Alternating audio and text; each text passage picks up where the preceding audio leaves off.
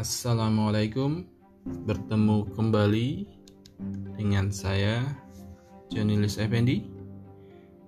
Kali ini saya akan membagikan tips cara menulis artikel teman-teman yang selama ini sudah menulis artikel atau masih belajar oh, menulis artikel yang yang keren ya artian artikel yang oke, okay, yang layak untuk dipublish di koran-koran atau portal online dan banyak sekali ya media-media online apalagi koran-koran yang menerima artikel.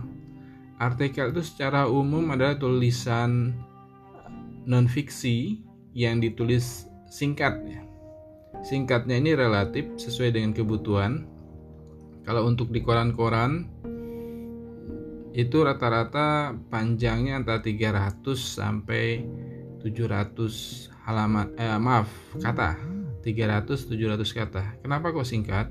Karena space ya. Space dari masing-masing media itu itulah yang mempengaruhi jumlah kata yang mereka terima. Dan juga sih yang lebih panjang sampai 800 1000 kata itu jarang sekali ya jadi teman-teman, ada baiknya jika ingin mengirim ke satu media, misalkan ke koran kedaulatan rakyat atau pikiran rakyat dan sebagainya, itu dikonfirmasi dulu ya ke redaksinya.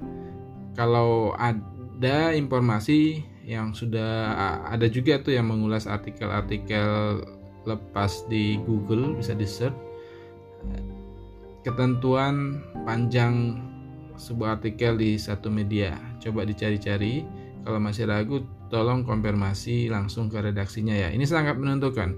Teman-teman bikin nantinya uh, sangat menentukan. Bikin artikel yang bagus, update, keren, tapi kepanjangan kemungkinan juga tidak akan dimuat.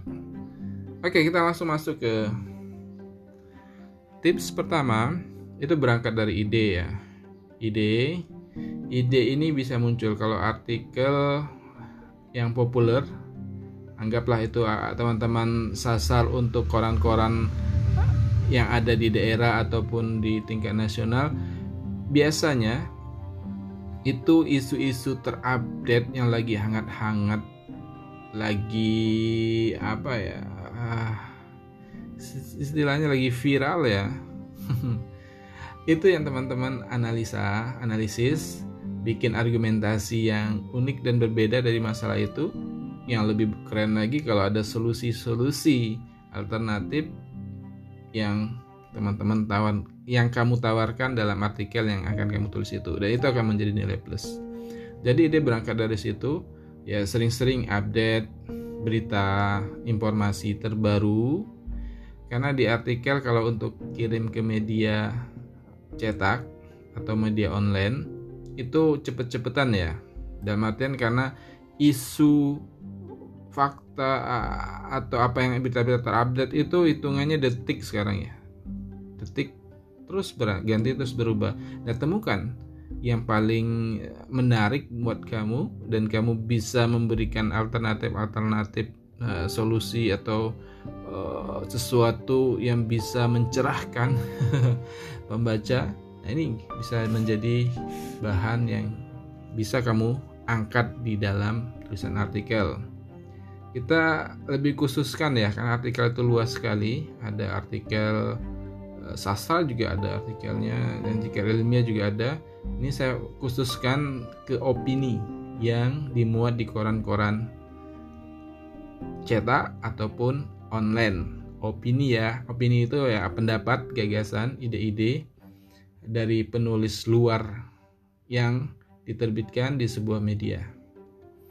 Nah, ini teman-teman bisa angkat ya isu-isu terhangat atau yang update atau yang lagi viral-viralnya, terus bikin analisa dari masalah tersebut dan tawarkan solusinya. Nah, itu salah satu e, cara ya untuk e, mendapatkan ide yang oke. Okay.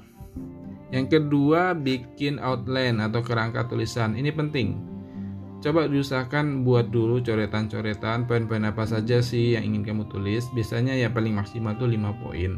Yang pertama itu tentang pendahuluan, kenapa sih kamu angkat masalah itu, terus batasannya apa, dan arahnya atau tujuan tulisan kamu itu untuk apa. Nah ini dipertegas di pendahuluan, terus ada bagian isi. Bagian isi ini ya bisa kamu masukkan data-data terbaru, informasi-informasi teraktual, fakta-fakta yang ada di masyarakat itu diambil dikutip atau di atau kamu generalisasikan dan itu bagian dari isi. Nah terus ada bagian pembahasan atau argumentasi kamu. Ini lebih panjang ya. Kalau kutipan-kutipan data informasi fakta dan sebagainya itu ya komposisinya ya sekitar satu atau dua paragraf paling banyak karena opini itu anggap 300 kata ya 300 kata ya berarti sekitar 30 sampai 40 kata ya untuk data-data itu satu paragraf lah paling lebih kurangnya. Terus yang lebih kamu tekankan adalah analisis kamu terhadap masalah tersebut di bagian pembahasan ya. ya terus kamu tarik kesimpulan atau solu tawarkan solusi di bagian penutup. Just it, hanya itu. Just it. Oke okay ya. Jadi itu untuk bikin outline ya supaya tulisan kamu ini lebih berisi dan bergizi tambahlah referensi-referensi tadi yang menguatkan argumentasi kamu. Jangan kosong jangan garing ya. Tetap ada kutipan-kutipan boleh. Kutipan informasi kutipan data kutipan pernyataan orang-orang penting ya, boleh kamu tambahkan di artikel tersebut untuk menguat, menguatkan argumentasi kamu dan usahakan ya kalau kesimpulan solusi itu jangan kamu ngutip juga pendapat orang. Pakailah pendapat kamu sendiri. Karena itu namanya opini ya penekanannya lebih ke opini si penulis artikel tersebut. Oke jelas ya referensi bisa kamu dapatkan dari online banyak sekali dari jurnal-jurnal ilmiah juga bisa dari informasi-informasi portal berita terpercaya kalau di Indonesia model Kompas, Detik, Tempo, kontan dan sebagainya. Nah, terus kamu yang keempat sebelum mulai menulis tentukan dulu nih artikel mau dikirim ke mana sih? Ke koran apa? Atau ke media online apa? Misalkan bahasa basi uh, dan sebagainya media portal online. Itu juga menerima opini-opini dari penulis luar. Nah, kamu tentukan dulu ini. Kalau sudah itu udah tahu kan gambaran oh kalau media ini dia uh, senangnya tema-tema ini atau hal-hal seperti ini. Misalkan kalau media online yang spesifik tentang kuliner jangan kamu kirim artikel tentang tawuran remaja nggak nyambung ya. Jadi kalau memang eh, portal portal online itu memang khusus satu bidang atau satu tema ya kamu tulis tema-tema tentang itu. Misalkan uh, ada majalah online atau portal online yang membahas tentang gadget ya hal-hal seputar gadget aja yang kamu kirim ke sana. Atau yang seputar game ya masalah-masalah tentang seputar game aja yang kamu tulis kirim ke media tersebut. Oke okay, sudah clear ya? Kecuali kalau media online online yang bersifat portal berita itu kan umum dan boleh saja kamu tulis berbagai tema yang terupdate. Oke okay. ini penting. Ini ini tujuan uh, kamu kirim itu akan akan uh, menyesuaikan nanti ketika kamu menulis artikel atau opini tersebut. Yang kelima ya fase menulis. Menulis itu cepat ya. Saya sarankan menulis artikel itu sekali duduk 1 sampai 2 jam lah maksimal karena cuman 300 500 kata nggak terlalu banyak ya. Artinya cuma dua lembar atau dua dua setengah lembar HPS satu setengah spasi. Jadi gampang, mudah. Lakukan Eh, langsung tanpa jeda. Kalau bisa sih langsung sekali duduk langsung selesai.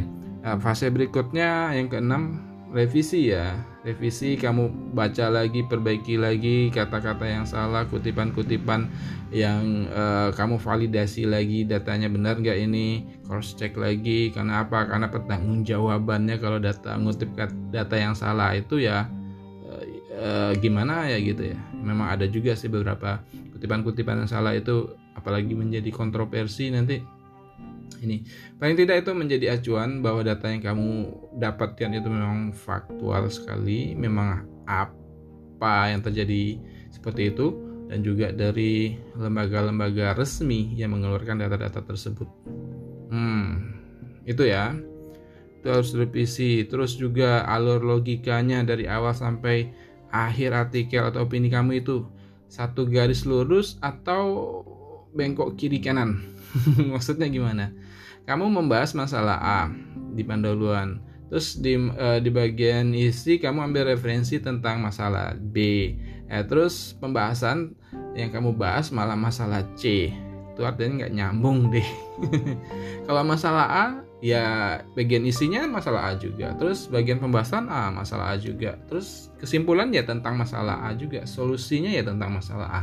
Gitu ya, itu gunanya revisi. Kamu perbaiki lagi sehingga artikel kamu itu menjadi klop dan nyambung.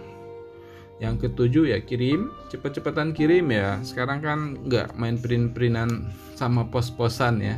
Kalau zaman saya dulu ya masih ada zaman kirim-kirim ke Kompas dulu melalui pos surat di print ya. Sekarang melalui email per detik truk kamu kirim sampai ke meja redaksi mereka langsung seleksi. Ya, jadi lebih praktis dan lebih efisien cepet-cepetan. Intinya kalau kamu ingin menulis artikel berupa opini, cepet-cepetan. Siapa yang cepet dia dapat. Dan itu juga tulislah yang seargumentatif mungkin. Dalam artian kamu bisa mempengaruhi pembaca. Opini itu kan mempengaruhi pembaca artinya. Kamu bikin uh, tulisan yang bisa mempengaruhi ya, pembaca dan pembaca itu manggut-manggut sependapat dengan kamu. Nah, semakin semakin kuat argumentasi kamu itu semakin mempengaruhi orang untuk mempercayai bahwa argumentasi kamu itu memang berdasarkan kenyataan atau fakta ilmiah dan itu sesuatu yang uh, tidak terpikirkan oleh orang lain. Nah, itulah tugas dari seorang penulis opini seperti kamu. Semua ini akan efektif dan berhasil jika kamu benar-benar melakukannya dengan sepenuh hati. Oke, demikian. Terima kasih.